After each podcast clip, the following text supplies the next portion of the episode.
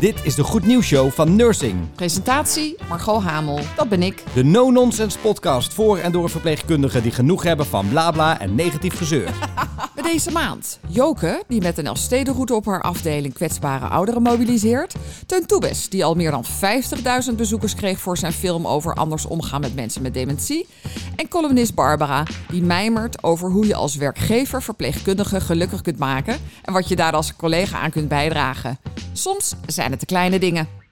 Joke van der Meer is verpleegkundige op de afdeling Neurologie Orthopedie van ziekenhuis Nijsmellingen in Drachten.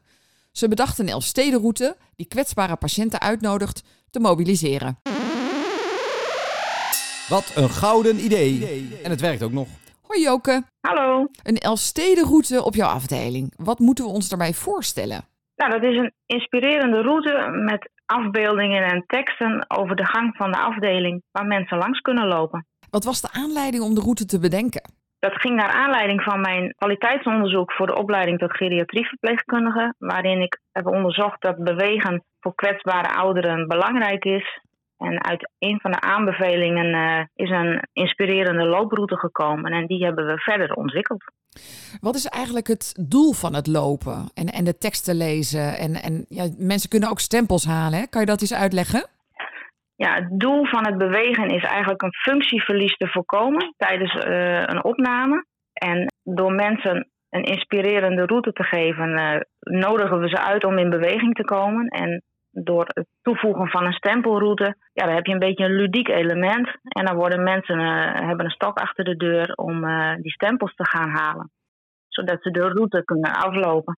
Hoe werkt dat stempelen precies? Ja, we hebben één stempelpost ingericht. En eh, de mensen die dan een stad hebben bezocht, kunnen dan naar die stempelpost komen om een stempel te zetten. En wie zet die stempel dan?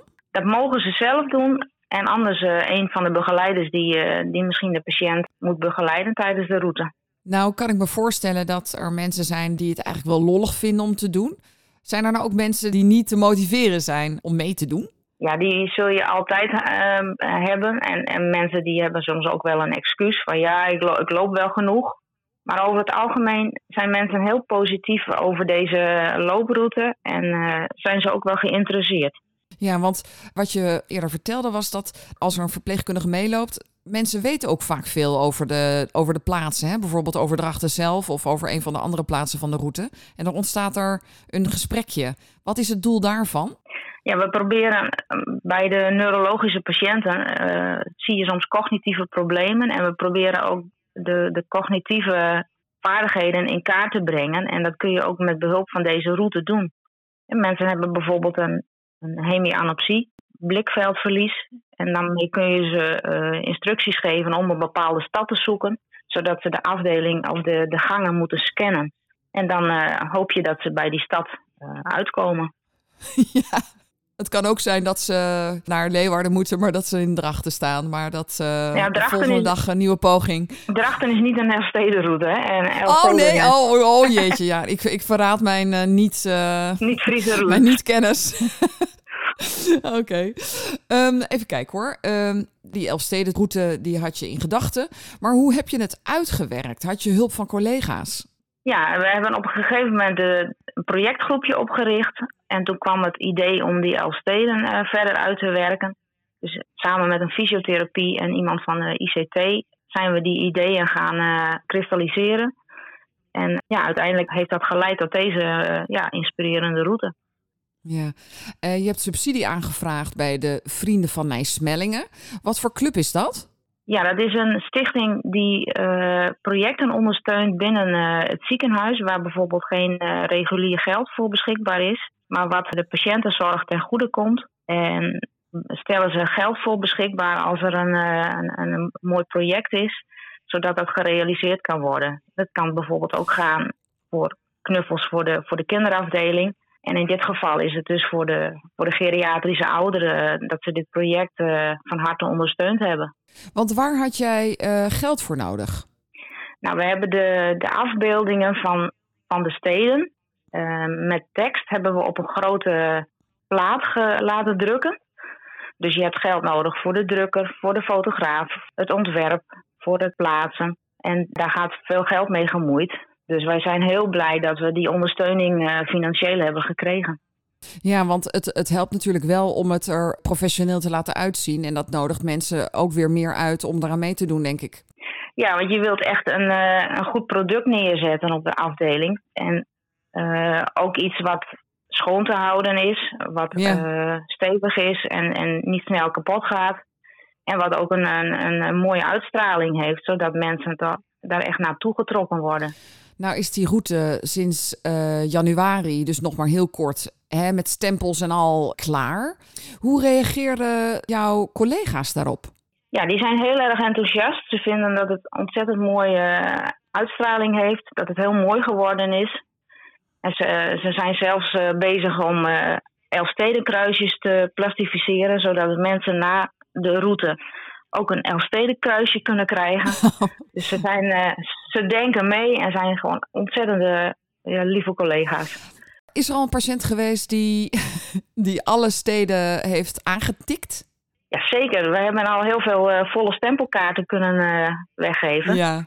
En ja, mensen die, die, die reageren zelf ook enthousiast. En, en dan komen de verhalen los dat opa of oma hem ook geschaatst heeft. Of dat ze er in 1985 bij waren. En uh, ja, het brengt herinneringen omhoog. En uh, zo heb je leuke gesprekken ook met de mensen. Ja, en het uh, is natuurlijk ook weer breinstimulatie als ze teruggaan in hun herinneringen. Ja, lijkt mij. Ja, zeker. mooi. Um, de mensen die nou luisteren en denken: Goh, het klinkt eigenlijk best wel interessant. Hè? Raad jij hen aan om ook zo'n project op te zetten?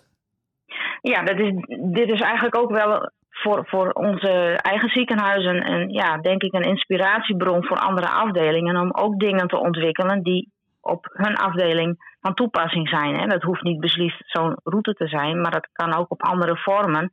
Maar je hoopt mensen hiermee wel een uh, inspiratie uh, te geven uh, om, om dingen te ontwikkelen. Ja. In de projectgroep zit ook een ICT-collega. Wat is zijn rol? Ja, hij heeft in het begin vooral geholpen met waar ik teksten kon vinden over de, wat er op de platen staat en hoe je dat zou kunnen indelen. En hij heeft het idee om uh, in de toekomst de platen uit te breiden met een QR-code, waarop doorgelinkt kan worden naar achtergrondinformatie of andere projecten met een uh, AI-technologie. Uh, daar nog toepassingen ja. voor, voor te bedenken. Maar dat is allemaal dat zit in de denkfase en uh, dat moet allemaal nog ontwikkeld worden. Ja, nou ja, in ieder geval de vrienden van uh, Nijsmellingen weet je uh, weer te vinden. Ook al is het volgend jaar, ja, ja toch? hey, en als mensen hier naar luisteren en denken: Goh, ik wil ook wel zoiets doen. Hoe kom ik in contact met Joke? Wat kan dan? Ja, ze kunnen via communicatie van Nijsmellingen uh, mij bereiken of, uh, of mij uh, mailen. Ja, en wat is jouw mailadres? j.meer nijsmellingen.nl. En dan is Nijsmellingen met uh, GHE hè, op het einde. Ja. Oké, okay, uh, ik heb geen vragen meer. Dankjewel en heel veel succes. Ja, jij ook bedankt Margot. Teun Toebes is een van de bekendste verpleegkundigen in ons land. Zijn documentaire Human Forever over hoe beter om te gaan met mensen met dementie trok al 50.000 bezoekers naar de bioscoop. Hey Teun! Hey, hallo, leuk er te zijn. Gefeliciteerd hè, met dit enorme aantal bezoekers. Uh, voordat we daarop ja. ingaan, kun je kort uitleggen waar de film over gaat? Natuurlijk. Um, samen met um, uh, filmmaker Jonathan de Jong uh, ben ik de afgelopen 3,5 jaar bezig geweest met deze film. Die gaat over hoe we in de wereld naar mensen met dementie kijken, hoe we met hen omgaan en hoe we dat kunnen veranderen. Dus wat hebben we gedaan? We hebben in totaal zo'n 3,5 jaar lang zijn we hiermee bezig geweest. We hebben anderhalf jaar lang uh, volonderzoek gedaan. Daarin hebben we gesproken met topwetenschappers, met regeringen, met mensen met dementie, met zorgverleners, met uh, mantelzorgers. En aan iedereen hebben we gevraagd: wat betekent een goed leven voor jou? En uiteindelijk is het de film dus ook een heel hoopvol beeld geworden van hoe we op een andere manier kunnen omgaan met mensen met dementie. Vanuit elf landen over vier continenten die we hebben bezocht. En het mooie is, Margot, mm na die reizen en na die prachtige voorbeelden die we hebben gezien, ben ik hoopvoller dan ooit dat um, we deze verandering die zo hard nodig is, ook echt met elkaar kunnen realiseren. Dus ja, dat vind ik ontzettend mooi om, om te voelen. Um, en daar ben ik ontzettend dankbaar voor. Dat begrijp ik.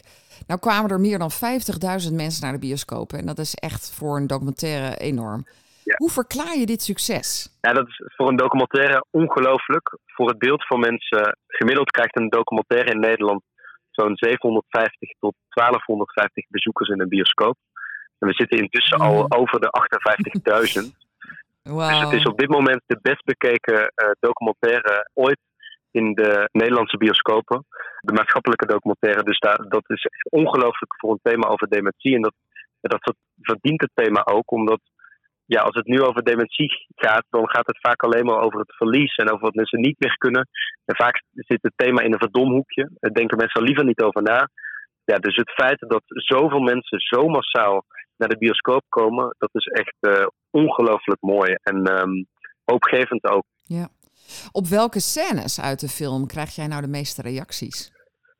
Oeh, dat is een hele leuke vraag. En, en ook een hele interessante, omdat ehm, dat hangt er maar net vanaf welk perspectief mensen mooi vinden. Iedereen, en Hmm. ja, Jonathan is, is filmmaker, dus mensen halen altijd datgene uit de film wat zij eruit willen halen. Dus maar het ligt er maar net aan wat jouw ervaring is en, en wat jij belangrijk vindt. Als je bijvoorbeeld ehm, het biomedische perspectief heel interessant vindt, dan eh, zal Zuid-Korea je aanspreken, waar artsen en wetenschappers veel onderzoek hebben gedaan naar de preventie van dementie, naar leefstijlveranderingen.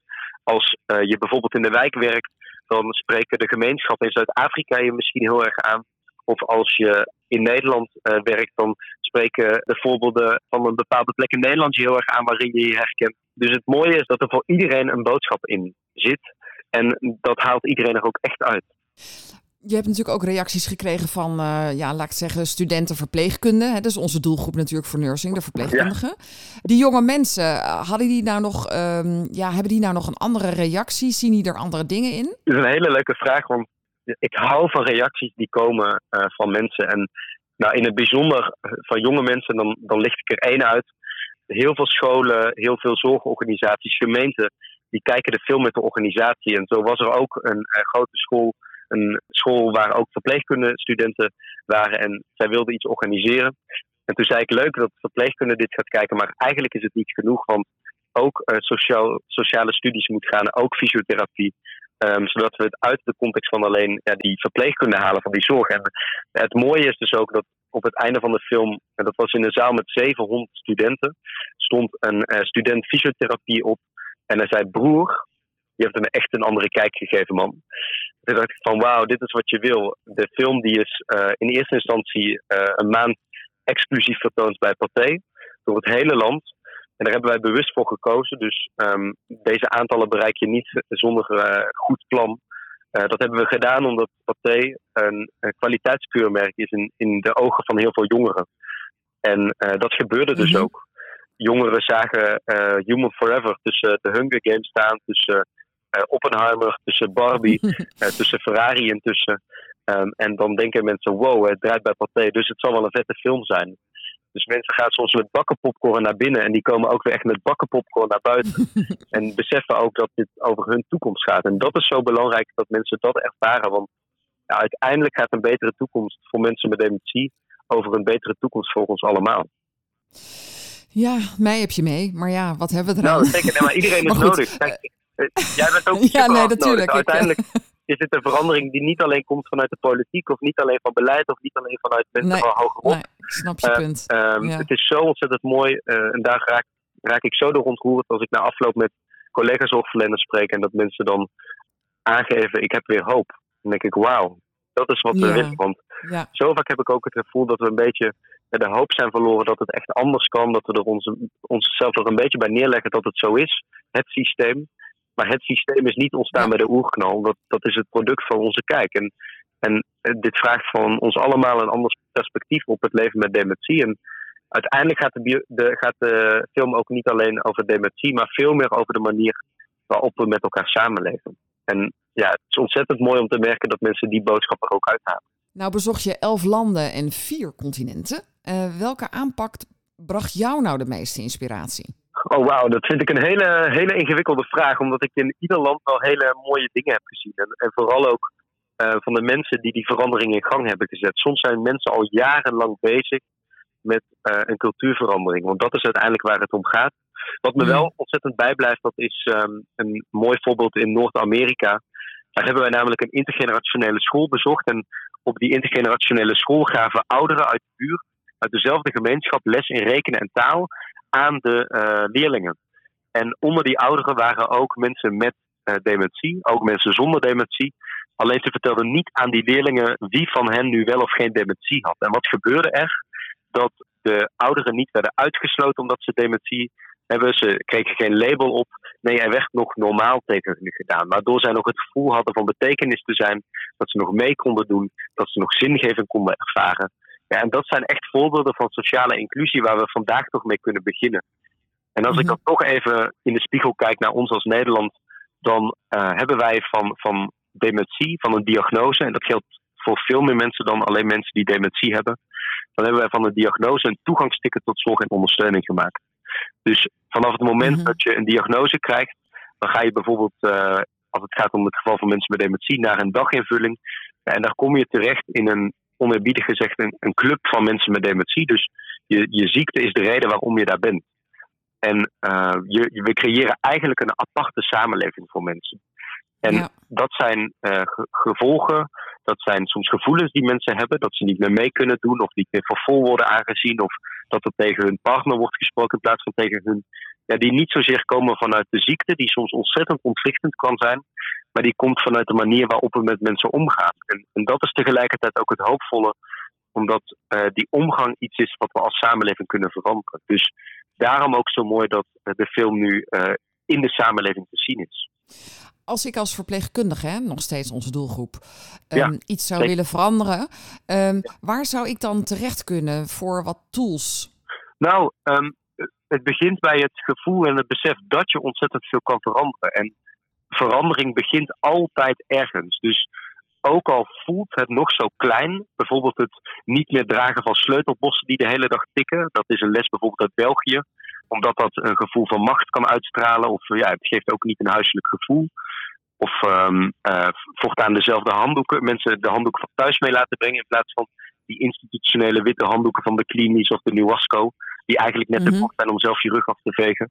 Um, dat, dat lijken soms kleine dingen, maar dat zijn cruciale dingen die mensen wel of niet mee kunnen laten doen. Die mensen het gevoel geven in een, in een thuisomgeving te zijn of in een institutionele omgeving. Dus waardeer die verandering en, en voel ook echt het privilege dat je hebt als zorgverlener. Want je hebt zo'n ontzettend belangrijke stem en je kunt zo'n verschil maken in het leven van mensen. Dus luister vooral ook naar mensen met dementie. Uiteindelijk is het interessante ook dat um, ik heel vaak de vraag krijg, zowel vanuit zorgverleners of vanuit gemeenten of vanuit beleidsmakers: Goh, wat moeten wij veranderen?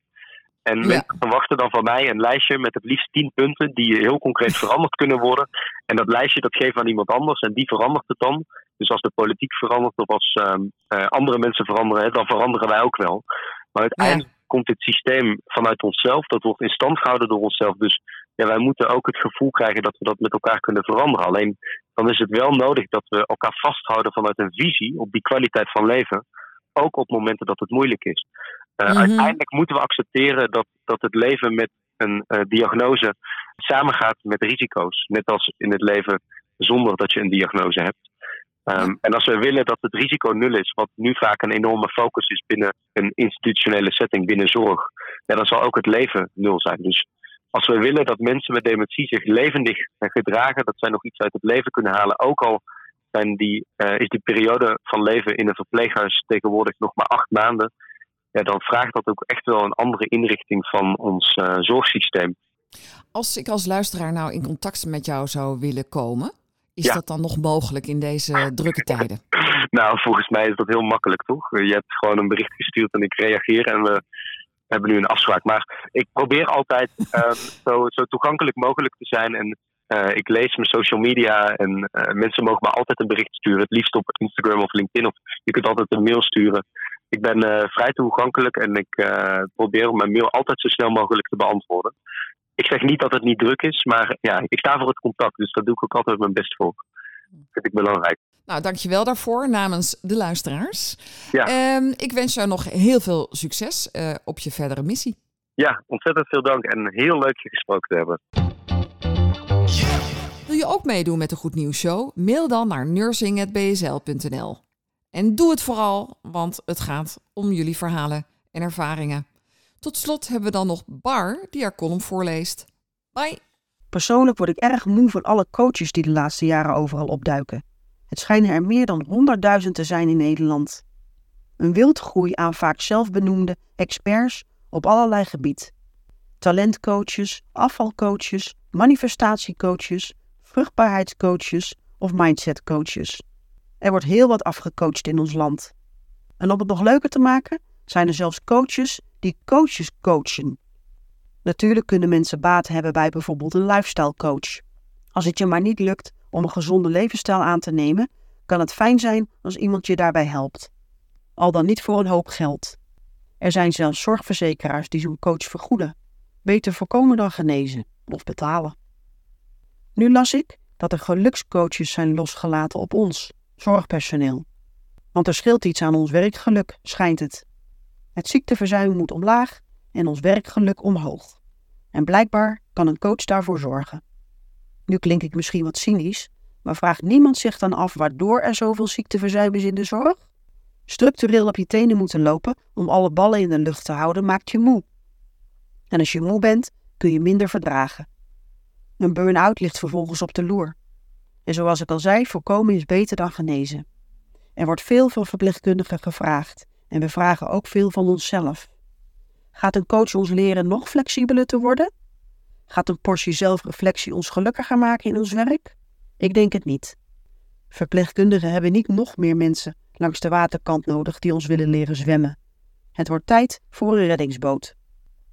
Wat maakt ons een blije verpleegkundige? Dat zijn dingen als een flexibel rooster, meer personeel en meer waardering. Werken in een fijn en veilig team en groeimogelijkheden, daar worden we pas gelukkig van.